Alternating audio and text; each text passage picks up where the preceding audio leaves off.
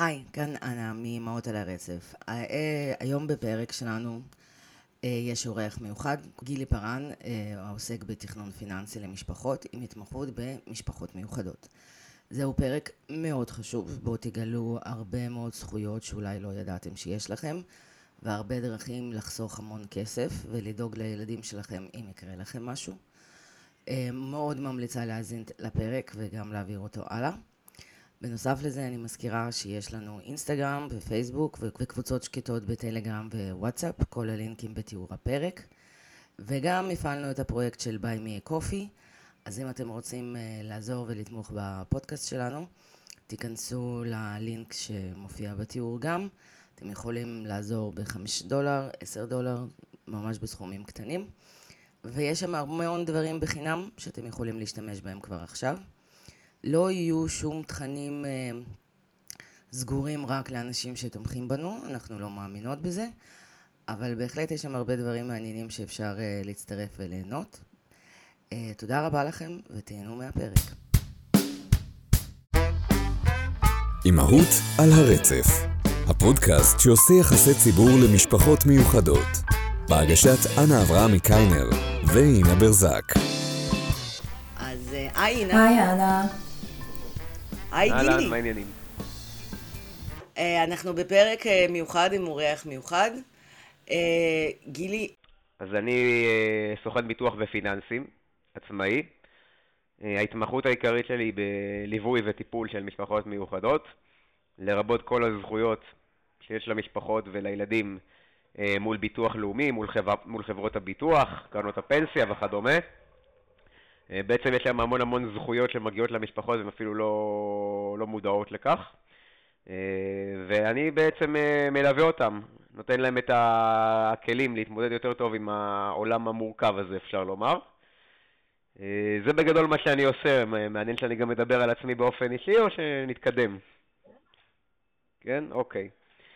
אז אני בן 39, אני נשוי, פלוס אחד, יש לי ילד בשם איתי, נשוי לאסתי, אני גר בגבעתיים. אה, אני בתחום של אה, ביטוחים כבר מאז שנת 2010. יש לי היום עסק עצמאי בתל אביב בשם גילי פארן תכנון פיננסי, כאן בעצם יושבת הסוכנות שלי. אה, אני בעבר הייתי גם שכיר הרבה מאוד שנים בחברת מנור המבטחים, עבדתי שם ארבע שנים כמנהל תיק לקוחות, עבדתי בחברת הפניקס, היו לי תפקידים שונים ומגוונים בעוד כל מיני חברות ביטוח. והחלטתי לפני שלוש שנים כמעט כבר לצאת לדרך עצמאית. ומאז בעצם המשרד שלי עובד בצורה צבאית מול כל חברות הביטוח, מול כל בתי השקעות בישראל, בנושאים של ביטוחים פרטיים, ביטוחי חיים, פנסיה, חסכונות, קרנות השתלמות וכדומה. וכמו שהבנתם, רוב הלקוחות שלי הם אנשים שמגיעים באמת מהעולם הזה של המשפחות המיוחדות. ואיך הגעת לזה? זה לא היה משהו מכוון, אבל uh, אני זוכר שפשוט אני הבנתי, די במקרה אפילו, ש, שיש המון, המון ביקוש לתחום הזה, יש המון אנשים שלא יודעים מה הזכויות שלהם. Uh, אני ראיתי, נחשפתי לכל מיני דיונים או אפילו פרסומים באינטרנט של... Uh, שקשורים לנושא של הביטוח, ואני ראיתי כמה אנשים מתעניינים בזה, ובאותו זמן אני עבדתי עם מנהל קמפיין שהוא עשה לי שיווק, ואמרתי לו, תשמע, אני חושב שיש לנו כאן אה, איזשהו צורך אה, שאנחנו צריכים לטפל בו. כלומר, גם אז טיפלתי במשפחות מיוחדות, אבל זה היה ב... באופן הרבה יותר אה, שכיח, את יודעת, זה, זה לא שלקוחות היו מגיעים אליי כי הם משפחות מיוחדות, הם היו מגיעים כי הם רצו לעשות סדר בתיק הביטוחי. הם היו מגיעים עם שאר הצרכים וגם היה להם כן. צרכים מיוחדים. בדיוק, ועשינו איזשהו ניסוי, פרסום, ממומן, לא בתקציב גבוה אפילו, ו... ולא כיוונו לאוכלוסייה של משפחות מיוחדות, כי אתה לא יכול לעשות כזה דבר בפייסבוק. ופשוט הגיעו המון פניות, אני זוכר שבתקציב נורא נמוך הגיעו שלוש-ארבע פניות כל יום, ו... ופה בעצם נפל לי האסימון שיש פה תחום שהוא לא, לא מטופל, זאת אומרת, אני לא רציתי להיות כמו כולם כללי, לטפל באופן כללי בהכל. רציתי לעשות משהו עם משמעות, משהו מיוחד, ופה אני גיליתי אה, את הדבר הזה, אפשר לומר. אנחנו נדבר אחר כך, כי יש לנו סוכן ביטוח שמאוד מעצבן אותי. אה, באופן כללי, אה, כל העניין הזה... אני מבחינתי שישמע את הפודקאסט, כאילו, אני בן אדם מאוד כנה. הוא יודע שהוא מעצבן אותי. אני אגיד לך, נגיד, אני, ביטוחים באופן כללי, זה משהו שאנשים לא מבינים בו. לא בכלל. כלומר, היה, היה גם אה, מין קמפיין כזה לא מזמן שאומר, אתה יודע איפה לקנות הכי טוב, ואתה יודע איפה זה הכי טוב, ואתה לא זוכר של איזה חברה זה היה. פנסיה, אבל אין פנסיה, לך, כן. כן, אבל אין לך מושג מה, מה קורה עם הפנסיה איפה שלך. הפנסיה? כאילו, בדיוק. אין. נכון. איפה הפנסיה? גם עכשיו, תשאל אותי כרגע, איפה הביטוח בריאות שלי? אין לי שמץ של מושג. הסוכן ביטוח שלי עושה כל מיני חרטות, וכאילו, וכל הזמן מעביר אותי מאחד לשני. אין לי מושג. אה, ואני מנסה לחשוב שאני בן אדם שקול, בוגר ואחראי. סתם לדוגמה, אני יכולה להגיד לך, אני כאילו בתור סובייטית מצ'רנוביל והכל, אמרתי בואי נתחיל לחשוב קדימה, ובגיל 28 עשיתי ביטוח בריאות. אמרתי בואי נעשה את זה כשאני עוד יחסית בריאה. לא זה. ועכשיו מעבירים אותי מסוכנות לסוכנות, ואז אני עוד פעם צריכה למלא הצהרות בריאות, אבל אני הרבה פחות בריאה ממה שהייתי בגיל 28. נכון. וזה נורא מלחיץ, ואתה לא, אתה בעצם, אתה לא יודע בכלל איך, אה, איך לבחור ומה זה המושגים האלה. כן. שכמו, שזה משהו שבאופן כללי, סליחה, שבאופן כללי, אה, הורים לילדים עם צרכים אה, מיוחדים מתמודדים כל יום, כן. כי זורקים עליהם מיליון מושגים, ואין לנו מושג, וגם כל אחד, כאילו, אתה מאמין לכל אחד שמדבר בצורה מספיק אסרטיבית ומהירה. גם כשאתה בוחר גן, גם כשאתה בוחר, בוחר דרך טיפול. אז אה, אתה יכול לספר לנו בשתי מילים איך אנחנו אמורים לדעת מה אנחנו עושים, איך לבחור סוכן ביטוח בכלל, לבחור? עזוב, לפני צרכים מיוחדים. מה אנחנו צריכים לשאול אותו? אה, אני לא יודע אם זה לשאול אותו, תראי. היום כשאני רגע, רוצה... תסתכל למצלמה, לא, אבל אני, רוצה לחדד את השאלה. אני חושבת שלמה לנו, כמישהו שיש לו ילדים מיוחדים, לפנות כן. לסוכן ביטוח, אוקיי? כי אני, כאילו, אני חשבתי על זה דווקא אתמול, מה אני הולכת לשאול אותך, אה, כי מה שאנחנו יודעים זה שכשמאבחנים לנו את הילד, אז אה, מגיע לנו, ברגע שהילד מאובחן, מגיע לנו רטרואקטיבית מקופת חולים החזר על האבחון, אחרי זה בעצם אנחנו ממלאים טפסים בביטוח לאומי, מקבלים את הקצבה המיוחדת, ו... ואז יש לנו בעצם איזשהו החזר, בעיקר אנחנו עובדים מול קופת חולים, איזשהו החזר על הטיפולים. וזהו, פה זה נגמר, זאת אומרת, אה, אז אה, כנראה יש עוד דברים, כי אחרת אה, לא היה לך עסק בתחום, אז אה, הייתי רוצה שתספר לנו ככה בצורה באמת יותר, זה, לא, לא, כאילו, מה בדיוק, מה בדיוק אנשים כשפונים אליך, מה, איך, איך אתה עוזר להם. אוקיי. אה, אז אני אתחיל...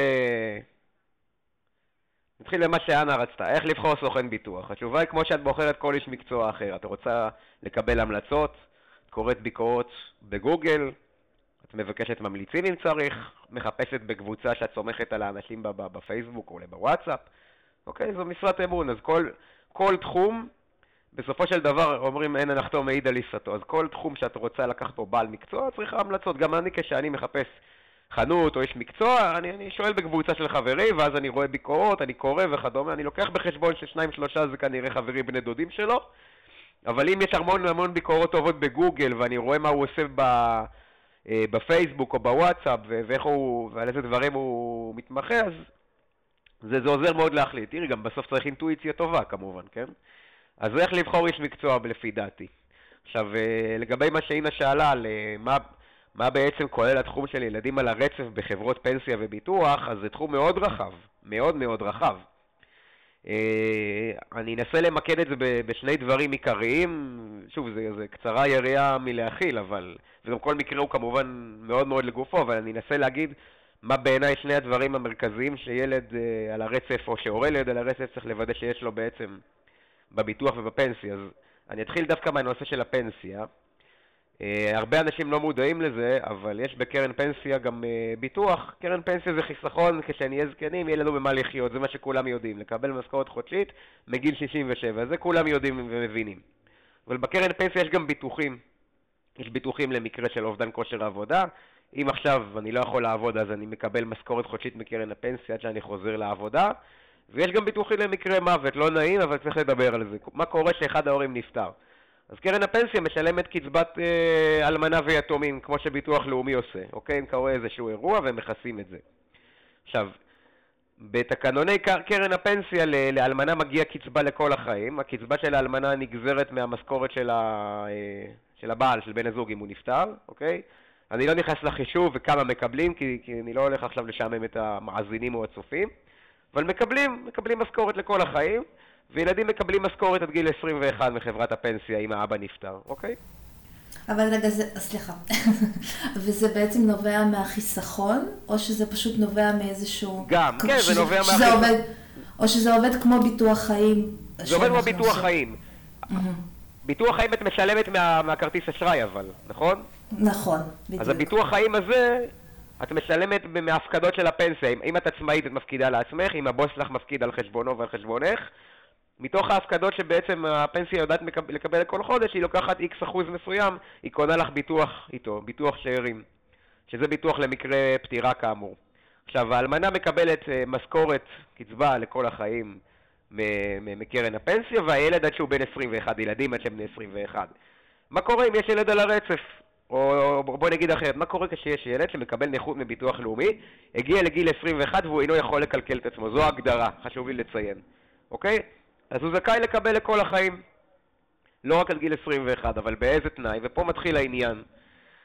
קודם כל חשוב מאוד להבין שאם היום יש לנו הורה שמבוטח בחברת ביטוח ויש לו קרן פנסיה, אם הוא מעביר את קרן הפנסיה הזאת לחברה אחרת, יכול להיות שהוא בעצם פוגע בזכויות של הילד שלו. מה הכוונה?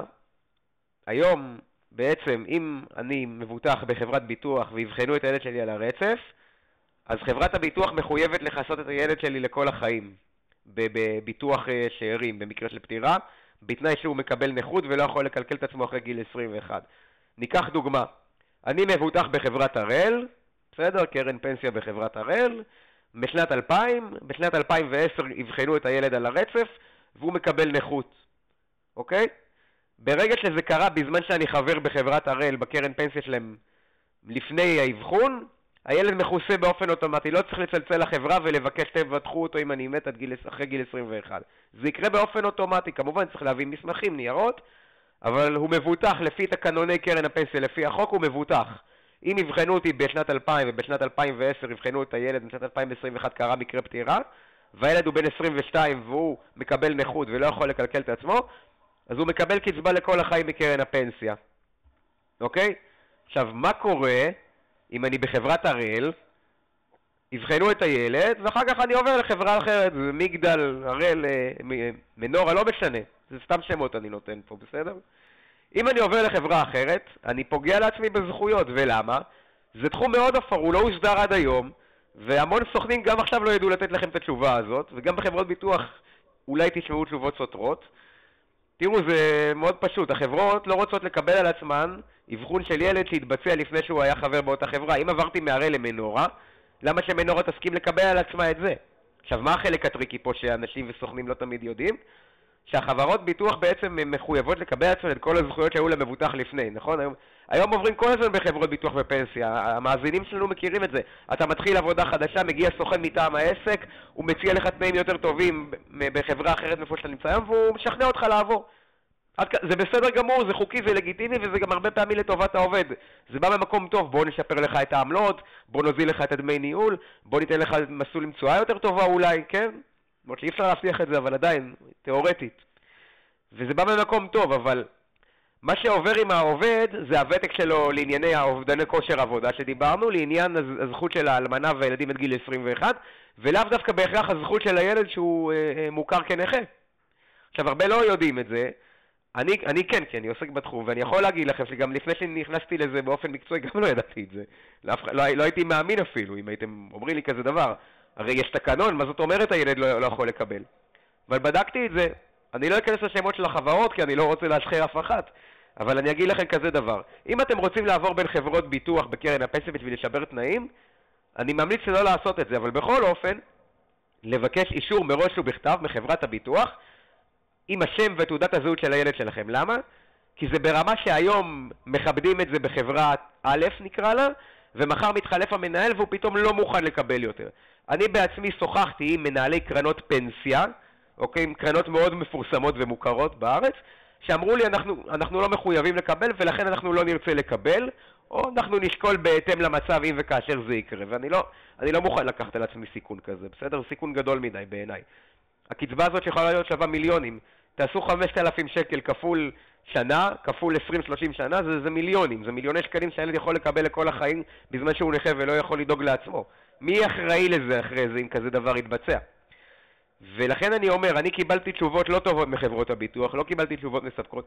גם עכשיו יש חברת ביטוח שאמרו לי בואו תאתגר אותנו. שלחתי להם מכתב, אתם, אם אתם מוכנים להוציא לי שיוסי בן יוסי יקבל קצבה בזמן שהוא נכה גם אחרי גיל 21, אני מעביר אליכם את הלקוח, אין לי שום בעיה. אם אתם לא מוכנים להתחייב ואתם אומרים באופן כללי כנראה שכן, אני בטח לא מתעסק איתכם. אז חשוב לי שהורים יבינו לא לרוץ ולהעביר קרנות פנסיה אם יש לכם ילד על הרצף. קודם כל לקבל אישור בכתב, לא משנה מה אומרים לכם, מה מבטיחים לכם. אם, אם מאשרים לי בכתב זה חוזה, זה התחייבות, בית משפט אה, יחייב את החברה, אין לי בעיה. אם החברה התחייבה שיוסי מקבל כסף, אני מוכן להעביר אותו. אם החברה לא. לא מוכנה, אני לא מעביר. וזה במקרה שבכל מצב, או שרק במקרה של מוות של הורה? במקרה מוות, קצבת השאירים משולמת רק במקרה מוות, כמובן, כן, okay. אוקיי. חשוב להדגיש את זה. עכשיו בואו נדבר על סיטואציה אחרת, אוקיי? הסיטואציה השנייה. מה קורה אם יבחנו את הילד לפני שהצטרפתי לפנסיה? מה קורה אם אני הייתי בין עבודות ושכחתי לעשות רצף הפקדות לפנסיה והפנסיה שלי נהייתה מבוטלת, לא פעילה, מה שנקרא, כן? כל מצב שבו אין רצף אה, הפקדות ביטוחי. בקרן הפנסיה, רצף ביטוחי, כן? למעשה אה, אומר שאני לא יכול לקבל אה, עבור הילד שלי קצבה אחרי גיל 21, ואז אפשר לעשות כל מיני דברים, אפשר, אגב, זה גם רלוונטי למי שלא מחזיק בקרן פנסיה, יש לנו מאזינים עם אה, ביטוחי מנהלים גם, כן? ושם אין את הנושא הזה של קצבת שאירים. אז קודם כל, אני בלי קשר ממליץ תמיד לקנות ביטוח חיים פרטי, אבל אפשר לדוגמה להעביר אותם לאחת מארבע חברות פנסיה, יש לנו ארבע חברות פנסיה, שיש להם דבר שנקרא מסלול בן, בן נבחר, מה שדיברנו עליו עד עכשיו קוראים לזה בן מוגבל. יש מסלול שנקרא בן נבחר, זאת הגדרה פחות טובה. כי בבן נבחר הילד יקבל קצבה לכל החיים, אבל זה יקזז מהקצבה של האלמנה, ותהיה לזה עלות כספית נוספת שתרד כל חודש. בניגוד למצב הרגיל, בו הבן אדם משלם רק אה, אה, ביטוח אה, על עצמו, ויש לו זכאות אוטומטית לילד בנוסף, אז פה יצטרך לשלם גם ביטוח על הילד כל חודש בפנסיה, וזה יקזז מקצבת האלמנה. זה מצב פחות טוב, אבל זה מצב של אין ברירה לפעמים, אוקיי? כי מה לעשות אם יבחנו את הילד ולא היה לי פנסיה באותו זמן? או שאני הפסקתי לעבוד ושכחתי להפקיד? אז... אה, שכן, שזה מאוד מאוד גם הגיוני בזמן אבחונים, שהרבה פעמים הורים, אני ואנה לדוגמה, אה, לא באמת נמצאות בשוק העבודה מאז שאבחנו לנו את הילדים, אז... אה, נכון, אז, אז זאת, זה... זאת סיטואציה בעייתית, בדיוק, אתם נופלים בין הכיסאות פה למעשה. אז כן, זה לוקח זמן. אני כתבתי שלושה התקפי חרדה מאז שהתחלת לדבר. כן, אנה, את תנשמי, אני מחכה שנסיים להדליק. מדמיינת את ה... זה, כן. אבל יש לך גם ביטוח חיים, בסדר, הכל טוב. ביטוח חיים אני ממליץ תמיד שיהיה, בטח להורים לילדים מיוחדים. בלי קשר לפנסיות, לא להסתמך רק על קצבה של קרן פנסיה. כמובן שזה מצוין, אבל לא להסתמך. היום אפשר לעשות ביטוח חיים בגרושים ב-30-40 שקלים, אפשר לעשות ביטוח קצבה, שזה כמו ביטוח חיים, הוא יותר זול והוא משלם קצבה שאתם בוחרים כל חודש לילד ל-X שנים לדוגמה, אוקיי? יש המון פתרונות היום שאני מוצא ללקוחות שלי שאפשר לעשות חוץ מלהסתמך על קרן הפנסיה. זה בנוסף, אה, ל- ל- אני, אני ממליץ כמובן לדאוג לפנסיה כמו שאני הסברתי בדוגמה הראשונה, אבל אני בלי קשר אני מאוד ממליץ על uh, ביטוח חיים בתחום הזה. זה בגדול לגבי הנושא הזה, יש עוד נושא כמובן אם מעניין אתכם לשמוע, כן? של... Uh... מעניין אותנו לשמוע הכל, אבל שנייה כן. רגע, דקה. אני אני אחזור לנשום ואז או, אני אוקיי, אבקש אוקיי. ממך לעשות... לא, אני רוצה כאילו שנעשה איזשהו סדר, כי שוב, כמו שאמרנו, אתה יכול להיות בן אדם הכי אינטליגנטי והכי תותח במשהו, אבל בביטוחים אף אחד לא מבין. אז יש את קרן פנסיה, ששם אנחנו צריכים לבדוק ולוודא שהבן רשום שיש את הזכויות האלה במקרה שאחד ההורים מתים. נכון. נכון. בקצבת השאירים. ויש גם ביטוח חיים, שזה לא אותו דבר? יש... ביטוח חיים זה לא. משהו שעושים במשכנתה בבנק, לא? ביטוחים... ביטוח חיים זה, זה ביטוח שאת עושה על השם שלך, אז זה לא, לא משנה כל כך אה, מי, מי המוטב. את קובעת, המוטב יכול להיות הילד שלך, זה יכול להיות אחותך, אה, זה יכול להיות חבר טוב, אז זה לא משנה מה המצב של אותו מוטב. כי הקריטריון בביטוח חיים זה המצב הבריאותי שלך, מה הסיכון שלך מבחינת חברת הביטוח. ו... רגע, שנייה. הייתה לי עוד שאלה, ובנוגע לפנסיה, נגיד ועשינו הכל כמו שצריך, ואני נגיד מתה, ודוד אה, עדיין נכה ואחרי גיל 21, והוא לא יכול לקלקל את עצמו, הוא צריך אפוטרופוס? מניח שכן, הוא לא יוכל ל... לטפל לא, בזה לבד. הוא לא יוכל לטפל בזה לבד, זה, זה, זה, לא, זה לא רק בזה, כן, זה בהרבה דברים אחרים שהוא יצטרך, אז בוודאי שיהיה חייב להיות מישהו שידאג לו. זה, זה, זה דבר שאת לא, יודעת, אבל זה גם... מבחינת השימוש, ב... מבחינת השימוש בכסף כן. הזה, עזוב אה, היבטים אחרים של החיים. מבחינת השימוש בכסף כן. הזה שמגיע לי מקרן פנסיה, נגיד, במידה ועשיתי הכל כמו שצריך, כן. אה, זה, זה עובר דרך אפוטרופוס? כלומר, אני צריכה להחליט מראש מי יהיה האפוטרופוס קודם כל אני ממליץ, תראי, אין, אין איזו חובה משפטית שילד אה, נכה, אם מישהו נכה זה עדיין לא הופך אותו ללא כשיר לבצע החלטות, נקרא לזה, אוקיי? אפוטרופוס, חד משמעית, לא, אנחנו מבינות את זה, השאלה היא איך זה מבחינת חברות ביטוח. שלא יהיו שם גם איזה שהם, כאילו, אי הבנות שאפשר ליפול בין הכיסאות. זאת אין, השאלה שלי. אין איזה חובה. למנות אפוטרופוס למיש... תראי, יכול להיות בן אדם עם נכות, אבל הוא מתפקד והוא מבין והוא צלול. הוא לא, הוא לא זקוק שהאפוטרופוס יחליט עליו, כן? בוודאי שכן הייתי ממליץ שיהיה מישהו ש... אם הוא לא אפוטרופוס, לפחות יהיה... באופן רשמי, שלפחות יהיה מישהו שאחראי לעזור לו בדברים האלה. אוקיי? כי אני... אין ציפייה ש... את יודעת, את אמרת קודם, אנשים לא יודעים מה יש להם, מפחדים וכאלה, אז אין ציפייה שמישהו, קל וחומר, ש... ש... שמראש ה... התנאים שלהם יותר קשוחים ב- להסתדר בחיים עם הבירוקרטיה, מה שנקרא, אין ציפייה שהוא יבין לבד את הכל, כן? כמובן שמצופה גם מחברות הביטוח לגלות את הרגישות המקסימלית ולתת את הסיוע הכי גדול ש- שאפשר כן, אבל אנחנו. רוצים לא להסתמך על חברות ביטוח, בגלל זה... חברות הביטוח רוצות לעזור לאנשים, אני רוצה להגיד לך משהו שיפתיע אותך, הם פשוט מדברים שפה אחרת, מדברים את שפת הביטוח. זה כמו שעכשיו את תטוסי לסין ואף אחד שם לא מדבר אנגלית, את לא תסתדרי, את לא מדברת סינית. זה לא כי הם אנשים רעים והם לא רוצים לעזור לך, את מבינה? נכון, אבל לחברות ביטוח מצד שני אני כן משלמת כסף, וזה אמור להיות חלק מהשירות שלהם לדבר בשפה שלי. בוודאי, אבל... כמו שנגיד אני הולכת לבית חולים ואני לא רופאה, אבל עדיין הרופאים באיזשהו שלב עוצרים ומנסים להסביר לך בשפה פשוטה אז מה בגלל הבעיה זה שלך. סוכני ביטוח. את, את לא הולכת למס הכנסה בלי, בלי, בלי רואה חשבון. את לא הולכת לבית משפט בלי עורך דין. את לא הולכת לחברת ביטוח בלי סוכן ביטוח. אוקיי, תשמע, אה, זה קטע מלחיץ. אני לא, נכון. לא... בכלל לא ידעתי שיש דבר כזה בפנסיה, שיש את המרכיב הזה. חשבתי שזה פנסיה, זה פנסיה, זה בשבילי. בדיוק התחלתי עם זה, אמרתי, אנשים יודעים שפנסיה זה חיסכון לגיל 67, זה מה שהם יודעים, הם לא יודעים מה מסתתר בפנים. אז הנה, אני בכוונה עשיתי לזה פישוט, כמו שנאמר, ואני אני מאוד מקווה שאנשים שמקשיבים לזה אה, יבינו שלא צריך לרוץ, לרוץ לעשות שינויים. תראי, בטוח שאנשים... יש אנשים שעשו וימשיכו לעשות את המעברים בין חברות פנסיה, אין מה לעשות, אני לא יכול להגיע ל... ל- לכל מיליוני האזרחים בארץ ולהגיד להם תעצרו. אבל אני יכול לומר שבזכות הקבוצה שהקמתי, בזכות הקבוצה שהקמתי ובזכות פוסטים שפרסמתי, יותר ויותר אנשים יודעים את זה, ולא רק אנשים, גם סוכני ביטוח. סוכני ביטוח, ש- שהם התפקיד שלהם להיות אחראים על הפנסיה של האנשים. בזכות ה... יש לנו דיונים על זה בקבוצות, אני, אני עוררתי איזשהו דיון שהגיע לכמעט סוג של מחלוקת אפילו ביומיים האחרונים בקבוצה פנימית שלנו, של הסוכנים. אני אומר, אני, אני, אני הבאתי את הנושא למודעות לא רק של הלקוחות, אלא גם של האנשים שאחראים על הלקוחות. ואני מאוד מקווה שבזכות זה יותר ויותר אנשים יתחילו ל... להתעמק. אמרתי להם, קודם כל תשאלו אם יש לו ילד עם נכות בבית. כשאתה פוגש מישהו במקום העבודה לחצי שעה של שיחה, לעשות לו פנסיה טיק טק וללכת, אתה לא מתחיל לעבור איתו על כל uh, הצרות שיש לו. תשאל אותו אם הילד נכה, ו- ולהורים אני אומר, אם אתם פוגשים סוכן ביטוח או איש פיננסי כלשהו, תגידו לו, יש לי ילד נכה, מה מגיע לי? מה הזכויות שלי? האם זה משנה על מה שאתה מציע לי? ו- ואני מקווה שהוא ידע לענות לכם כמו שצריך, אבל לפחות תציפו את הנושא. כן? כי, כי אף הורה לא מיוזמתו חושב להציף, ההפך אפילו לצערי, כן? יש אנשים שמשום מה... לא יודע, זה, אני, אני לא נכנס כמובן לנעליים של אף אחד, אבל אני מרגיש שהרבה הורים מפחדים להציף את הנושא הזה דווקא, וחבל, כי, כי אם אתם לא תציפו את זה, אתם בסוף תפגעו בעצמכם ובילד. אתם צריכים להציף את זה שיש לכם ילד עם צרכים מיוחדים. לא להתבייש, ההפך. אתם צריכים להיות גאים בזה גם, שאתם מתמודדים עם הדברים האלה. ולא, ולא לא להחביא את זה, כי בסוף אתם תקבלו את מה שמגיע לכם ואולי יותר מזה. הסכנה היא שאם אתם לא תעשו את זה, אתם לא תקבלו את מה שמגיע לכם.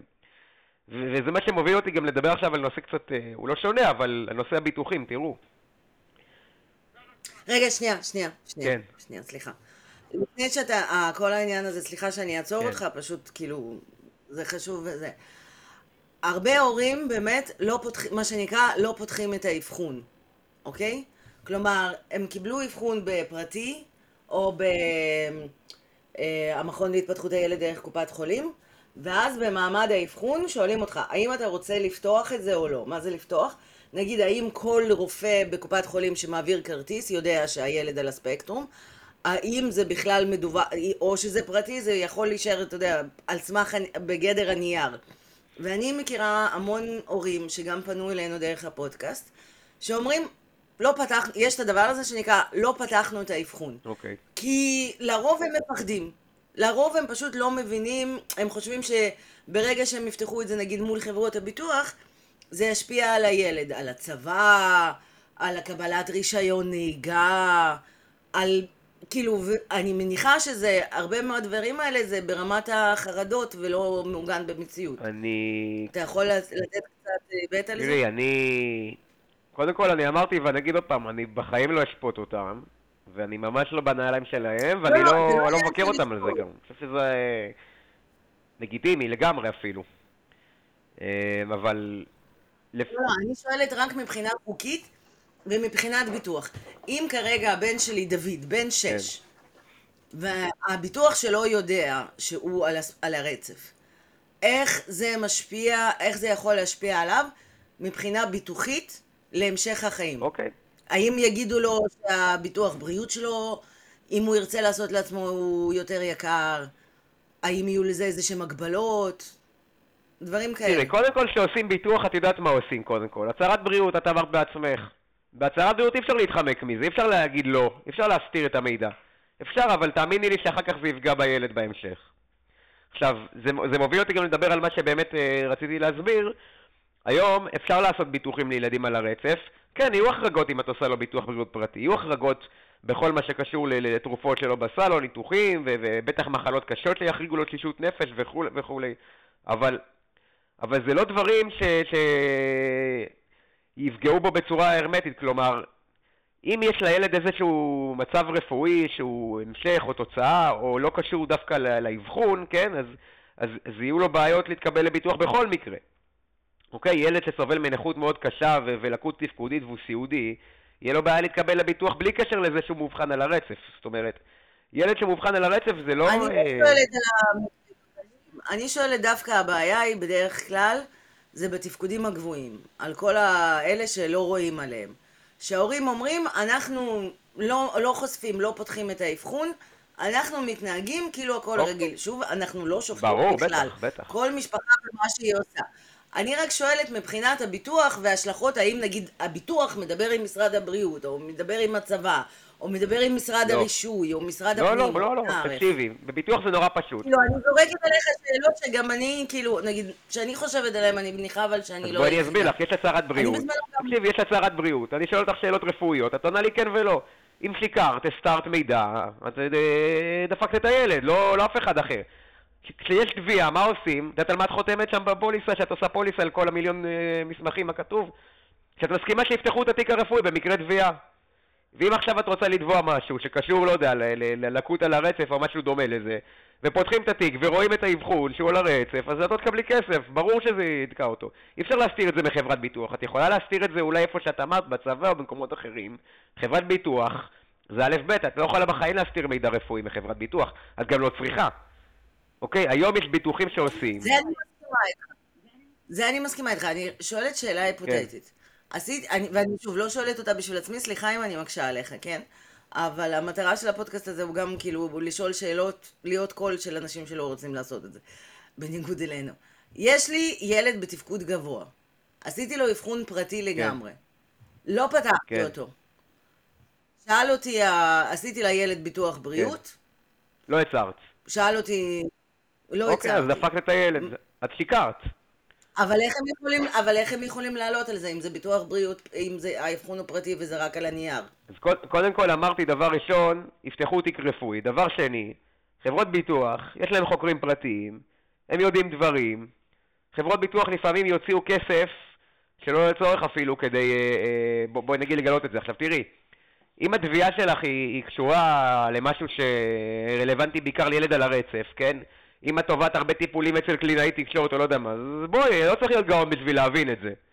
ילד רגיל לא הולך לשלושה טיפולים אצל קלינאית וריפוי בעיסוק כל שבוע, נכון? אין מה לעשות. תכף נדבר על זה גם, אגב, גם לזה יש פתרון, כן? אבל תכף נדבר על זה גם. אז את צריכה להבין, אי אפשר להסתיר מידע. בעת, ואם את מצליחה להסתיר מידע, אז, אז ההצלחה שלך היא כישלון. כי מתישהו בעתיד זה יתפוצץ, זה יתגלה. אוקיי, כשהשלג מפשיר אז רואים מי עשה מה ואיפה, כמו שאומרים, יש פתגם רוסי כזה, מכירה אותו, נכון? אנחנו בפודקאסט, אז אני לא אגיד איך, איך אומרים אותו באמת, אבל את מבינה מה אני אומר. אי אפשר להסתיר דברים כאלה. זה לא איזה משהו קטן, זה לא פצע באצבע, זה לא, אה, לא יודע מה, את יודעת. אה, פעם בגיל שלוש אה, נשלח אותי תנין, אני לא יודע, כאילו, זה לא משהו שאתה יכול להסתיר. עכשיו, היום יש ביטוחים שאת יכולה לעשות לילדים על הרצף ללא הצהרת בריאות, והם יכולים לקבל החזר על קלינאי תקשורת, ריפוי בעיסוק, הידרותרפיה, מקבלים החזרים מאוד יפים גם. אוקיי? עושים הצהרת בריאות בדרך כלל, אבל הצהרת בריאות היא בשביל ביטוח בסיסי. לקוחות שבאים אליי ורוצים מכסה נוספת לטיפולים באופן פרטי, או החזר יותר גדול כי הקופה לא מחזירה הכל, מה עושים להם? אני עובד היום עם כל החברות, אבל בנושא הזה שלוש חברות ביטוח, שדרכם אני מבצע ביטוח ללא הצהרת בריאות בכתב שירות להתפתחות הילד, ויש שם תקרה לטיפולים, אוקיי? יש למשל חברה שנותנת 16 אה, טיפולים בשנה עם קלינאי תקשורת או ריפוי בעיסוק ומחזירה לך מקסימום 180 שקלים או 80 אחוז, מה שיותר נמוך מביניהם. ויש חברה נוספת שאפשר לעשות בנוסף, עם עוד 12 טיפולים עם החזר מקסימלי של 120 שקלים על קלינאית, או על ריפוי בעיסוק, או על הידרותרפיה, או על טיפולים רגשיים, טיפול באמנות, רכיבה לסוסים וכדומה. וזה בנוסף אחרי שהקופה החזירה לי כבר 80 כן. אחוז? אם, אם יש לך 300 שקלים טיפול למשל, והקופה החזירה לך 80 אחוז, mm-hmm. אז על האקסטרה את יכולה לקבל עוד 80 אחוז החזר. או שאת יכולה לעשות טיפול באופן פרטי לחלוטין, כן, אם את רוצה יותר טיפולים, לא מסתפקת במה שיש מהקופה, ואז את מקבלת לדוגמה, כמו שאמרתי, נניח 180 שקלים לטיפול, 120 שקלים לטיפול. את יכולה לעשות כפל ביטוחי בעצם, את יכולה לעשות כפל ביטוח, אוקיי? את יכולה לרכוש שלוש פוליסות כאלה, להגיע לדוגמה ל-43 טיפולים פרטיים לחלוטין אצל קלינאית בשנה, החזר של 5,000 שקלים בקירוב, ואז למעשה את, מייצרת לעצמך עוד תקרה של טיפולים עם אה, החזר מאוד מאוד יפה. אין 100% החזר ולא יהיה גם. וכמו שאמרתי, אנחנו כן מבצעים איזשהו ביטוח בסיסי, אי אפשר לקנות רק התפתחות הילד בחברת ביטוח, ועל הביטוח הבסיסי עושים הצהרת בריאות, אוקיי? אם זה מחלות קשות או תרופות שלא בסל, זה ביטוחית של עשרות שקלים. ביטוח כזה, כמו שהזכרתי, אה, מתחיל מ-21 שקלים עד ל-99 שקלים למשל. אוקיי? ואפשר לעשות את כל הביטוחים, משלמים 150 לחודש. מה? כאילו, זה shut up and take my money, כאילו, איפה היית? תראי, משלמים 150 שקלים לחודש בערך על כל הביטוחים ביחד, אם עושים את כל הביטוחים שקיימים כרגע. מחכים תקופת המתנה, את לא יכולה לתבוע את זה ממחר בבוקר, היא בין ארבעה חודשים לחצי שנה בפוליסות, ולאחר מכן מגישים קבלות ואת ההחזרים, צריך להביא הפניה עדכנית מרופא כמובן, אוקיי? ומקבלים בעיקרון את ההחזרים דרך החברות האלו. ובעצם אני רק מדגישה, אז נגיד, אז הגשתי את זה לקופת חולים וקיבלתי כן. קיבלתי מהם 80 אחוז, ואז כן. את אותה קבלה אני מגישה גם לביטוח הפרטי. כמובן, כן, צריכה, איך אומרים, להבין שזה לא אה, בריאים ומרוויחים, זה לא עכשיו אה, להרוויח. את מקבלת על מה שלא קיבלת החזר, על ה-20 אחוז. אם ה-20 אחוז זה 100 שקלים, תקבל 80 שקלים החזר למשל. בעצם על ההפרש, אה, כאילו על ההפרש שהקופה... על ההפרש את מקבלת 80 או... יש גם פוליסות עם 75 אחוז. שוב, אני... אני לא הולך עכשיו בפודקאסט לספר לכם מה יש בכל אחת מהפוליסות, אני מדבר בצורה מאוד מאוד כללית. לא, לא, ו... בסדר, רק בשביל, כי אני עד עכשיו כן. לא, אה, כאילו, כי נגיד לדורון כן יש ביטוח, כפל ביטוחים, כן. אוקיי? כן. ויש לו ביטוח בריאות, והצהרתי, ובאמת עשיתי הכל.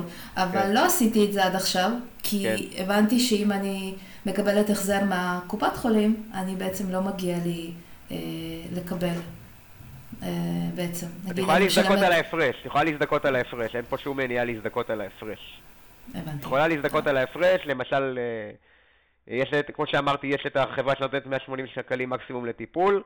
אוקיי, אז אם ההפרש הוא 100 שקלים ולא הזדקת עליהם, את יכולה לקבל 80 ש"ח החזר, זה יהיה 80 אחוז נגיד. חשוב לציין שעכשיו אפשר לעשות כפל ביטוחי. עוד מעט יש רפורמה בביטוחי הבריאות, שרוצה למנוע מאנשים לקנות בטעות כפל ביטוח, אבל יש אנשים שנהנים דווקא מכפל ביטוח, כמו הילדים על הרצף. ועוד מעט, ממש בפברואר אמורה לצאת הרפורמה, לא ידחו אותה בפעם המיליון, ואי אפשר יהיה לקנות כפל ביטוחי. זאת אומרת, מה שאני מדבר עליו כרגע בשיחה הזאת, יכול להיות שהוא רלוונטי רק עד סוף החודש שאנחנו מדברים בו, ינואר 2023. אז אם יש הורה שיש לו ילד על הרצף בלי ביטוחים, או שהוא רוצה להגדיל את המכסה והוא רוצה לעשות לו עוד ביטוחים, הוא צריך לעשות את זה עד סוף החודש. עכשיו תראו, כתב שירות, בניגוד לביטוח, זה לא חוזה, זאת הבעיה. אין מה לעשות. כתב שירות, החברה יכולה להחליט שבהודעה מראש היא גם מבטלת אותו. זאת אומרת, גם אם עכשיו עשיתי כתב שירות התפתחות הילד, יכולה חברת uh, מנורה בעוד שנתיים להחליט שהיא מפסיקה לשווק את זה כי ככה בא לה. כי הצטרפו יותר מדי ילדים שטובים, כי uh, לא יודע מה. אוקיי? אין לנו בטוחה למעשה. אבל, אבל זה הכי טוב שאנחנו יכולים לעשות כרגע, זאת אומרת, במסגרת הכלים שיש לנו, לרכוש את כתב השירות הזה ולקבל ממנו החזרים אחרי ארבעה חודשים או חצי שנה. ורטרואקטיבית נגיד... אני מנסה לא. לחשב כמה כסף הייתי יכולה לחסוך, אלוהים. לא, לא רגע, אבל אנחנו לא יכולים לקבל את זה רטרואקטיבית? לא, לא, אין רטרואקטיבית. אם את קנית פוליסה בראשון לראשון, והתקופת המתנה היא חצי שנה, אז אחרי חצי שנה, בשני לשביעי, את יכולה להביא קבלה על טיפול שהתקיים בשני לשביעי, כן? לא לפני, ואז לקבל... לא, לא, זהו. לא, נגיד, אה, נגיד הבן שלי מבוטח כבר בביטוח הזה כבר שלוש שנים, אוקיי? ולא עשיתי את זה עד עכשיו. אז השאלה אם אני יכולה ללכת... אה, זה גבולי, כי כעיקרון יש לך התיישנות של שלוש שנים למקרי ביטוח, אבל את יכולה בהחלט לנסות. הבנתי.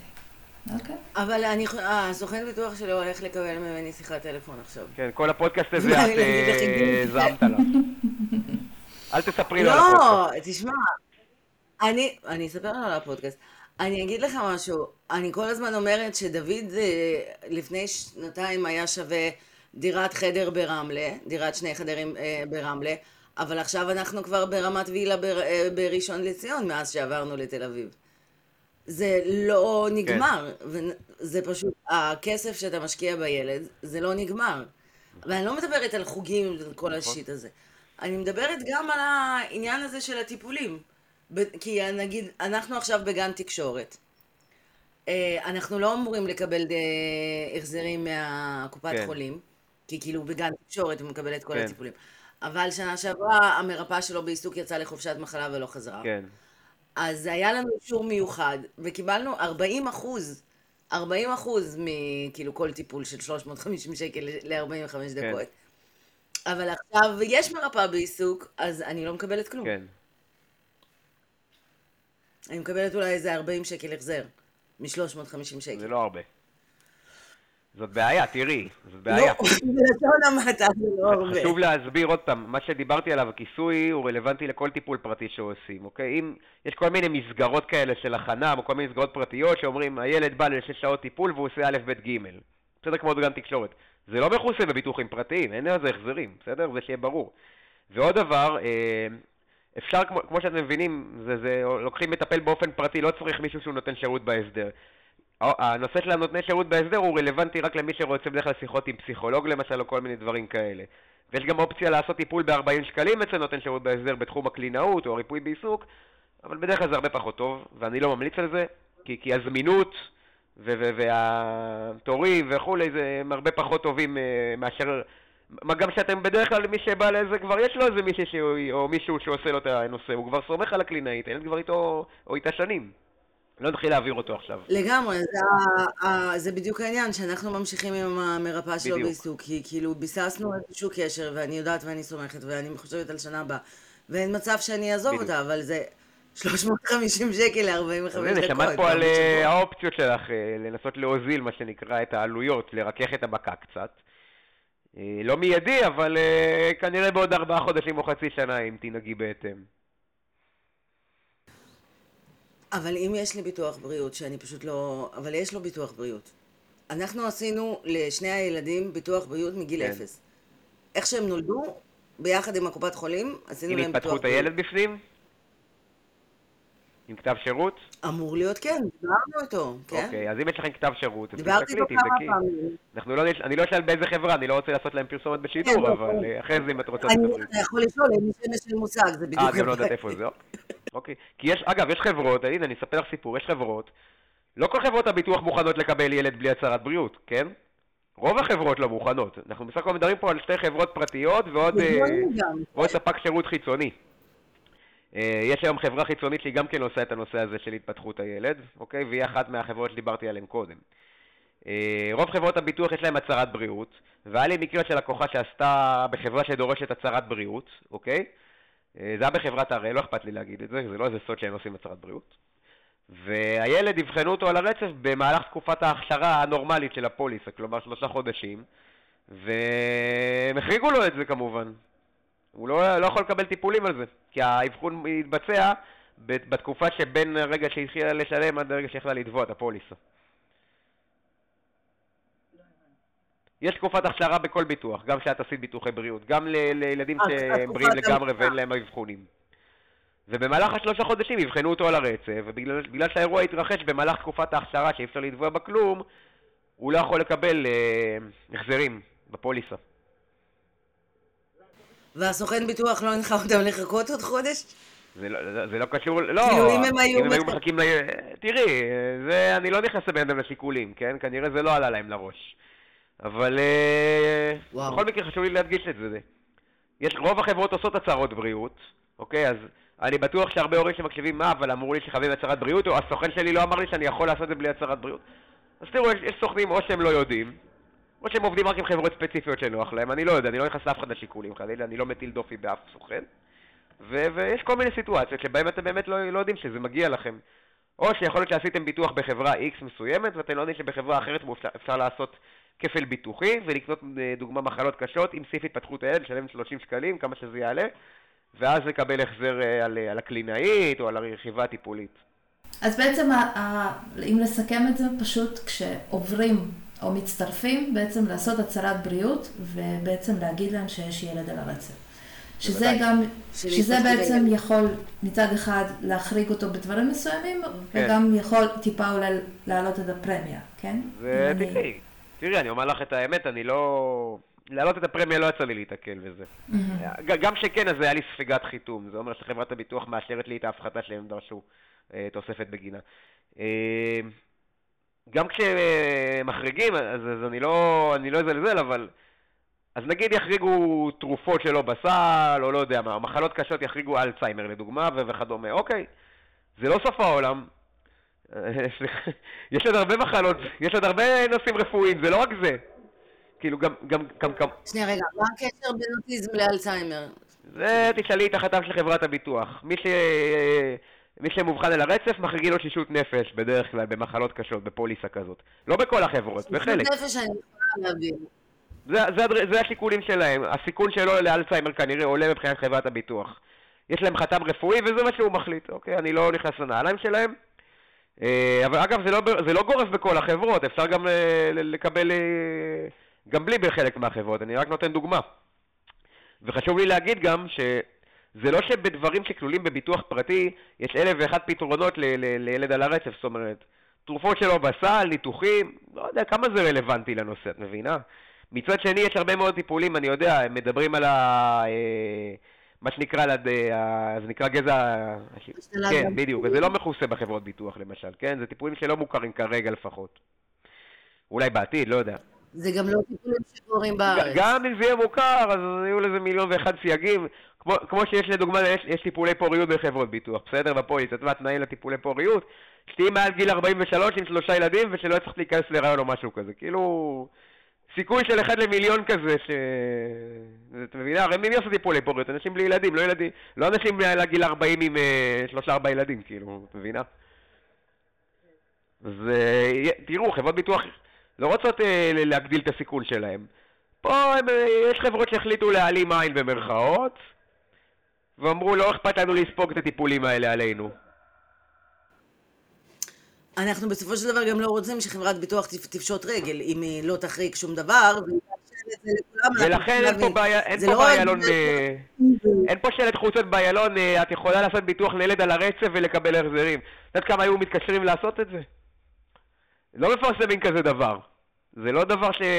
את רואה פה פרסומים, לך תעשה פוליסת חיסכון בפניקס, לך תקנה ביטוח מחלות קשים לביטוח ישיר, את לא רואה, בוא תעשה לילד על הרצף ביטוח לגלינאי תקשורת, את לא תראי גם.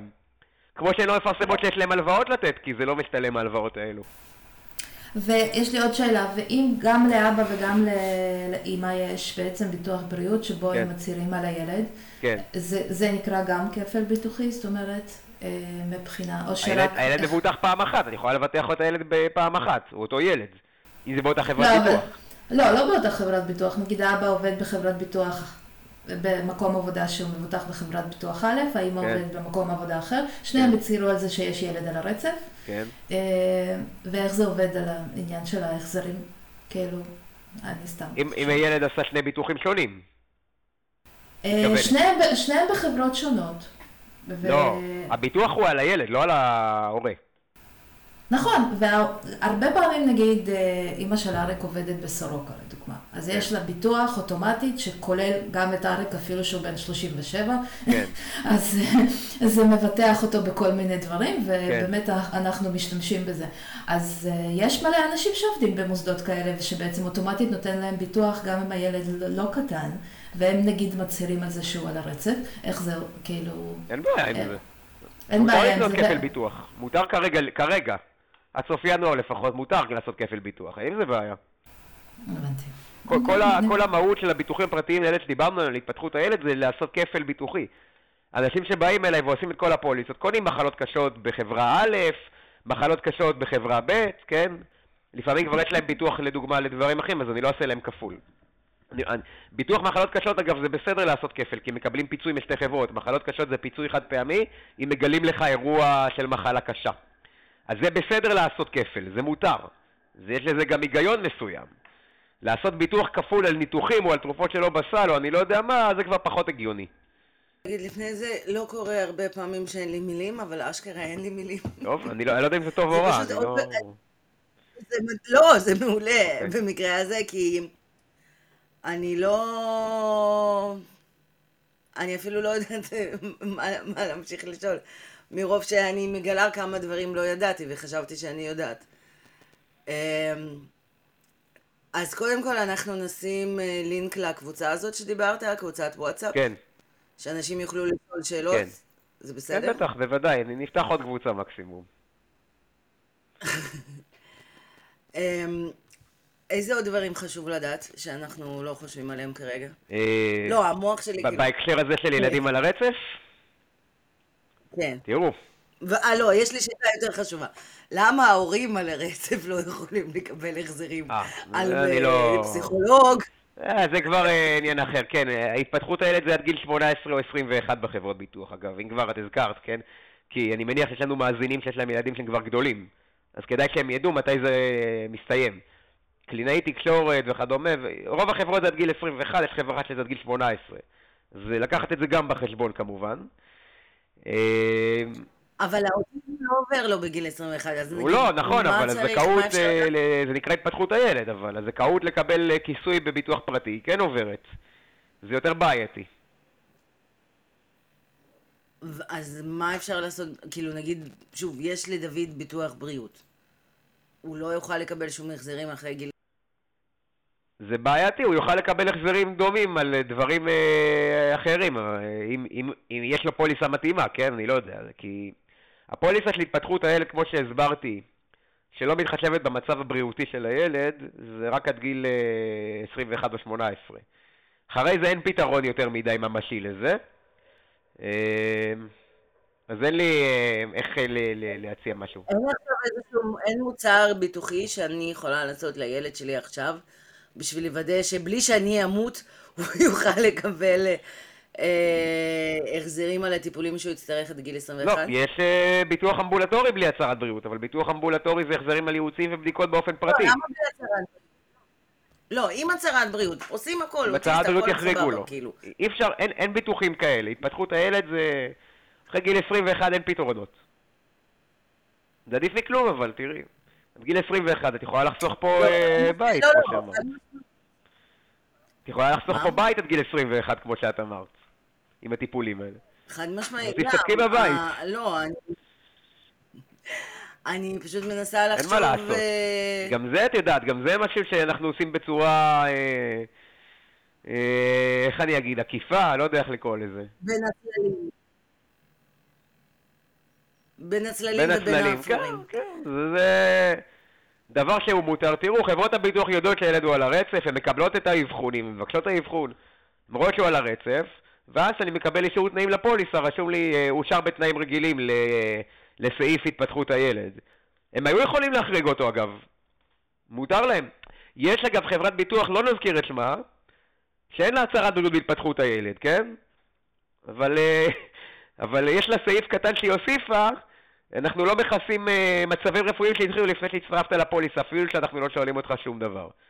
אוקיי? אותה אני לא מציע כמובן. בעבר הצעתי אותה עד שהתחיל כל הבלאגן איתם בעצם.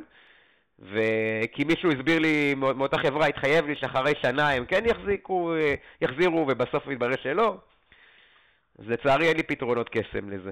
שוב, לא קורה אף פעם, אני לא יודעת מה לשאול עכשיו. בסדר, אולי זה טוב, אני לא יודע. לא, זה מעולה, תשמע. וואו, אמ, אתה יכול לספר לנו על איזשהו סיפור אה, עם משפחה שאתה זוכר הכי לטובה? אה, יש הרבה סיפורים, תראי. אה, יש לי לקוחה מאוד טובה ש...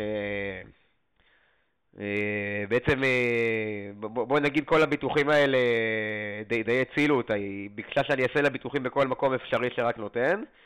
היא אפילו הביאה לי שאני אברר על איזו חברה שמציעה התפתחות הילד בלי הצהרת בריאות, ואני אמרתי לה שביררתי גם עם המנכ"ל והם לא מוכנים לקבל ילדים על הרצף, לדוגמה. ו...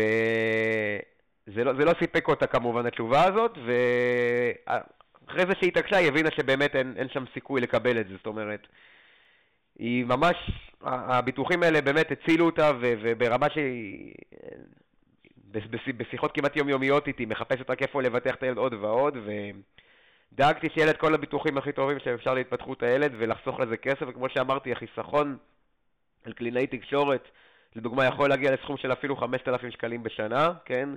אה, תוסיפו לזה החזרים על דברים נוספים, אז זה, זה, זה הרבה יותר מזה, כן? אם מנצלים את כל הפוליסות כמו שצריך, ו... ואין ספק שזה דבר מאוד מאוד מאוד חשוב, כן? אה, היום בעצם כשאנחנו מסתכלים על זה ו... ורואים את כל הסיטואציה הזאת, אז אנחנו מבינים כמה זה חשוב לדאוג לזה, ולא לזלזל בביטוחים פרטיים, ולא להגיד מראש שלא יקבלו את הילד כל הרצף. אני יכול לספר שלדוגמה, אה, באחת הפעמים שחלקתי את המידע הזה על, ה... על האיסור, מה שפתחנו איתו, האיסור לעבור בין חברות הביטוח, כן? אה, אז בעצם אה, סיפרתי את זה לכמה לקוחות שלי והם העבירו את זה בוואטסאפ אה, ואז צלצל אליי בן אדם ממש באותו יום תשמע, אני אבא לילד מיוחד והסוכן בעבודה הציע לי לעבור פה מחברה א' לב' ומחר אנחנו אמורים להיפגש ובזכות המידע שסיפקת לי אני לא אעשה את הצעד הזה, ואת יודעת, כאילו, מנע, הצלתי את האבא הזה, אני לא יודע מי זה, לא זוכר איך קוראים לו אפילו, הוא דיבר איתי חצי דקה, כאילו, הוא לא לקוח שלי. אבל תחשבי שהבן אדם הזה בצד השני של המדינה קיבל את המידע ש... שכנראה סידר לנט שלו כמה מיליונים בעתיד. בלי שהוא היה מודע לזה. אה, וזהו, ו... תראי, אני, אני בן אדם קטן סך הכל, אני בורג, אני לא משהו מיוחד במערכת. אבל אני עושה את הניסיונות שלי שזה יגיע לכמה שיותר מקומות רחוקים. ואני כבר הצנעתי איזשהו תהליך, אה, דיברתי על הנושא הזה עם אה, נשיא לשכת סוכני ביטוח, גם על הרפורמה שרוצים להעביר שהולכת לפגוע בהורים לילדים מיוחדים, וגם על הנושא של הפנסיות שהוא לא מוסדר בכלל. אה, אגב, לא, לא, לא דיברנו על זה, אבל האחריות היא של מדינת ישראל להחזיר את הנושא של הפנסיה, כן? יש תקנון לפנסיה, ברור שוותק ביטוחי עובר, אבל של הילד לא. האחריות היא של רשות שוק ההון במשרד האוצר. הם אמורים להסדיר את הנושא הזה, אמורים להוציא הבהרה, חוזר, מאוד ברור, מה מותר, מה אסור, כמו שהם יודעים להוציא רפורמות, הם צריכים להידרש לסוגיה הנ"ל גם, וזה באחריותם לגמרי. ואני כן, אה, זה כן על הפרק, אני כן בתכנון שלי לדבר אה, לפחות עם כמה חברי כנסת שאני מכיר אה, לנסות לקדם את זה, אני לא תולה בזה תקוות להצלחה. יש לפחות חברת כנסת אחת שאני מכיר ששמעתי שיש לה ילד על הרצף, ואני מקווה שהיא תירתם לנושא, שהיא תהיה מספיק אסרטיבית לזה. שוב, זה לא מבטיח שזה יעזור וישנה כלום, אבל לפחות זה יקדם. היה לנו ראש ממשלה, היה לנו ראש ממשלה מצוין למשך תקופה קצרה. אה, זה לא... בנושא הזה אני, שם בצד את אה, כל המחלוקות הפוליטיות, אני חושב שזה נושא שצריך לאחד. לגמרי. אוקיי, היה גם איזו הצבעה בכנסת שנה שעברה שבאמת אה, התאחדו במה שנקרא, האמת שאפילו הייתי בהצבעה הזאת, אני חושב, הייתי במליאה לדעתי. אה, אני לא זוכר בדיוק על מה זה, אבל זה כן היה קשור להכרה במוגבלויות של ילדים על הרצף, והקואליציה והאופוזיציה התאחדו ושמו בצד את כל המחלוקות הפוליטיות, וזה היה רגע מאוד יפה. טוב לדעת שזה גם... כן, רגעים של אנושיות. הבעיה היא שלכל הורה מיוחד יש בכל רגע נתון איזה ארבע מלחמות שהוא מנהל מול. בדיוק, נכון, אני, אני ראיתי את זה במו עיניי. כאילו שהן לא קשורות לביטוח גם, כי נגיד גם אנחנו דיברנו על זה כן. בגן. יש את הזה של הסעות ואת הזה שאין סייעת ואת הזה שאין זה, ואתה פשוט לא יכול לנהל אותם כל הזמן. נכון, נכון, אני, אני מסכים שזאת מלחמה בלתי פוסקת. זו מדינה עם הרבה בירוקרטיה. תראי, גילוי נאות, אני חבר בכמה קבוצות של הורים בוואטסאפ ובפייסבוק, בעיקר כדי להבין מה הולך, להיכנס לראש שלהם, להבין מה הם עוברים כל יום, ולדבר את השפה שהם מדברים. ואני רואה, אני שותף לזה. והרבה פעמים אני אומר לעצמי, אני אומר גם לאשתי, וואי, תראי כמה צריכים להסתובב, מה הם צריכים להסתדר פה, כמה בירוקרטיה, כמה... כאילו, זה מטורף. בלי סוף. אני גם גיליתי שהיה, לא ידעתי, היה גן שפתי ליד הבית שלי בגבעתיים, לא ידעתי, וסגרו אותו לא מזמן בגלל חוסר בסייעות. אז אני מבין איזה, איזה קשיים, את יודעת, פתאום צריך להעביר את הילד לגן אחר, ולא באזור שאתה גר בו, וכל מיני. ו... זה מלחמה לא פוסקת, לגור בישראל זה מלחמה מול כל הרשויות לרוב, כן? בעיקר ל- ל- לאנשים שצריכים לפלס את דרכם קדימה. ובעולם אוטופי, אתה חושב שיכול להיות מצב שיהיה איזשהו מוצר אה, ביטוחי, נגיד להורה, שמפסיק לעבוד בגלל שיש לו ילד עם צרכים לא. מיוחדים, כי זה מה שקורה. רק לחסוך כסף. זה לא ייחשב... רק לשים כסף בצד. אין, אין כזה דבר. הדבר הכי שאפשר לעשות זה לפתוח חיסכון, כמו שאנחנו עושים הרבה פעמים, קופת גמל להשקעה או פוליסת חיסכון, להפקיד שם כסף כל חודש. החיסכון הוא כללי כמובן, אין לו מטרה מוגדרת, אבל לחסוך גרוש אה, ליום שחור, לא לשים כסף בפק"ם או בבנק, כן? לא מפה נהיים עשירים. אבל כן, אה, זה, זה בהחלט משהו שצריך לקחת בחשבון, את הדברים האלה. וכשאתה עושה ייעוץ, אה, אה, נו, לפני ליווי למשפחות מיוחדות? שאתה... לא, לא ליווי, כאילו, אתה באופן כללי, אתה עושה תכנון... תכנון פנסיוני. נו, איך זה נקרא? וואו. כן, אז נגיד באה אליך משפחה. כן. ואומרת, זה אימא, זה אבא, ככה אנחנו מרוויחים, יש לנו שני ילדים כן. רגילים. ההמלצה שלך תהיה שונה מהמלצה למשפחה עם צרכים מיוחדים, כאילו נגיד רחוק. אני חושב שההמלצה למשפחה עם צרכים מיוחדים, אה, מעבר לנושאים הרלוונטיים ששוחחנו עליהם, היא תהיה יותר אגרסיבית, היא תהיה יותר עיקשת, אני יותר אתעקש איתם, אתם כן צריכים ביטוח, אתם כן צריכים חיסכון. אני, אני בדרך כלל אני לא אוהב לשכנע אנשים, אני לא, אני מציע, אני מסביר את התועלות, אם בן אדם מבין את התועלות והוא לא רוצה, אני מדפדף הלאה, אני לא... אין לי, אין לי הרבה זמן לבזבז על לשכנע מישהו שלא רוצה. אבל לילד עם צרכים מיוחדים אני כנראה אתעכב יותר, כי ברמה המוסרית יהיה לי קשה לדעת שוויתרתי לי כל כך בקלות על הדבר הזה, כן? אה, אז אני כנראה יותר אסרטיבי פשוט עם משפחה כזאת. למרות שאני אומר את האמת, לא נתקלתי במצב שמשפחה... הם יותר אסרטיביים ממני ההורים, זאת אומרת, זה, זה, בדרך כלל כשבן אדם, אה, בדרך כלל מתקשרים אליך, מציעים לך כל מיני ביטוחים, ואתה לא יודע אם אתה צריך אותם או לא צריך, ואז התפקיד של הנציג בקו זה לשכנע אותך למה אתה צריך נגיד ביטוח אה, תאונות, אה, תאונות וכל מיני. אבל פה זו סיטואציה הפוכה, כי, כי הלקוח בא מראש משוכנע שהוא צריך ביטוח ברוב המקרים, אז אין פה אלמנט כל כך של שכנוע ומכירה אפילו, זה יותר, זה, זה הרבה יותר לספק צורך שקיים, אז לא נתקלתי במשפחה שהייתי צריך להסביר לה למה זה חשוב לחסוך, לילד, ולמה לעשות לו ביטוח חיים, ולמה למה אה, אה, לקנות ביטוח עם אה, כתב שירות, אה, הכל אלה כיסויים בהתפתחות הילד, לדוגמה. אם לא יודעת אם יצא לך להאזין לפודקאסט, אבל אתה יודע שבדרך כלל אני לא סותמת את הפה ולא נותנת למרואיינים לדבר, אבל כאילו... גם סוכני ביטוח לא יודעים לסתום את הפה, זה בסדר. אה, תראי, חשוב לי שההורים לא יעצמו אה, אוזניהם אני יודע שביטוח ופנסיה זה נושאים מגעילים ומציקים ומשעממים ואפורים, אבל העתיד של הילד שלכם נמצא פה. ואתם עברתם הרבה יותר דברים קשים מאשר לשמוע שיחה משעממת על פנסיה כדי להשיג לילד שלכם את ה-the best. אז, אז אל תתעצלו, תבדקו, תבררו, אה, אני לא אמליץ עליי, כי אין הנחתום מעיד על עיסתו. אני כן חושב שכדאי לעשות את הנושאים האלה עם בן אדם שמבין קצת בתחום הזה, כי זה תחום מאוד אפור שהוא לא, לא, לא עובר בצורה פשוטה לסוכני ביטוח. אני עבדתי ב... באחת אה, קרנות הפנסיה המובילות בארץ, ולא עשו לי שם הדרכה על ילד מוגבל ובן נבחר וכל הדברים האלה. אה, אז אה, קל וחומר שאנשים שלא עברו מסלול כזה בטח לא ידעו. וזהו, ויש לי, לי את הקבוצה בוואטסאפ, ואני משתדל לפרסם גם באתר שלי, יש לי אתר, אתם יכולים לחפש גילי פארן, תכנון פיננסי בגוגל, יש לי אתר, יש לי גם פייסבוק שאני מפרסם בו דברים. אה, אתם מוזמנים לקרוא שם, המידע שאני מפרסם הוא חינמי לחלוטין, הוא לא במחויבות לשום דבר. אני כן אה, אשמח אם תפיצו אותו לעוד הורים מיוחדים, כי לא כולם בקבוצה ולא כולם יודעים. ואם אתם תפיצו את זה לעוד מישהו, אז אתם מבחינתי עשיתם את, אה, את מה שהיה מוטל עליכם. תדאגו לעצמכם, ותדאגו גם לסביבה שלכם, כי בסופו של דבר אנחנו ערבים אחד לשני, וקופות החולים וחברות הביטוח לא ידפקו לכם בדלת לספר מה מגיע לכם, הם יבנו לזה שלא תדעו מה מגיע לכם. זה יעזור להם להגדיל את הפרמיה. מעולה, באמת זה היה פרק מרתק, ויש לי פה דף שלם של הערות, רשמתי לעצמי. כן, לבדוק ולראות מה... אה, משימות לעצמך משימות לעצמי, וכמובן שנכתוב גם כן בפוסט את כל זה בנקודות הרבה יותר, אה, ככה נסכם, ממש כן. דברים אה, חשובים. פרק מלא מלא תובנות ונורא נורא ברור ומבהיר מלא מלא דברים.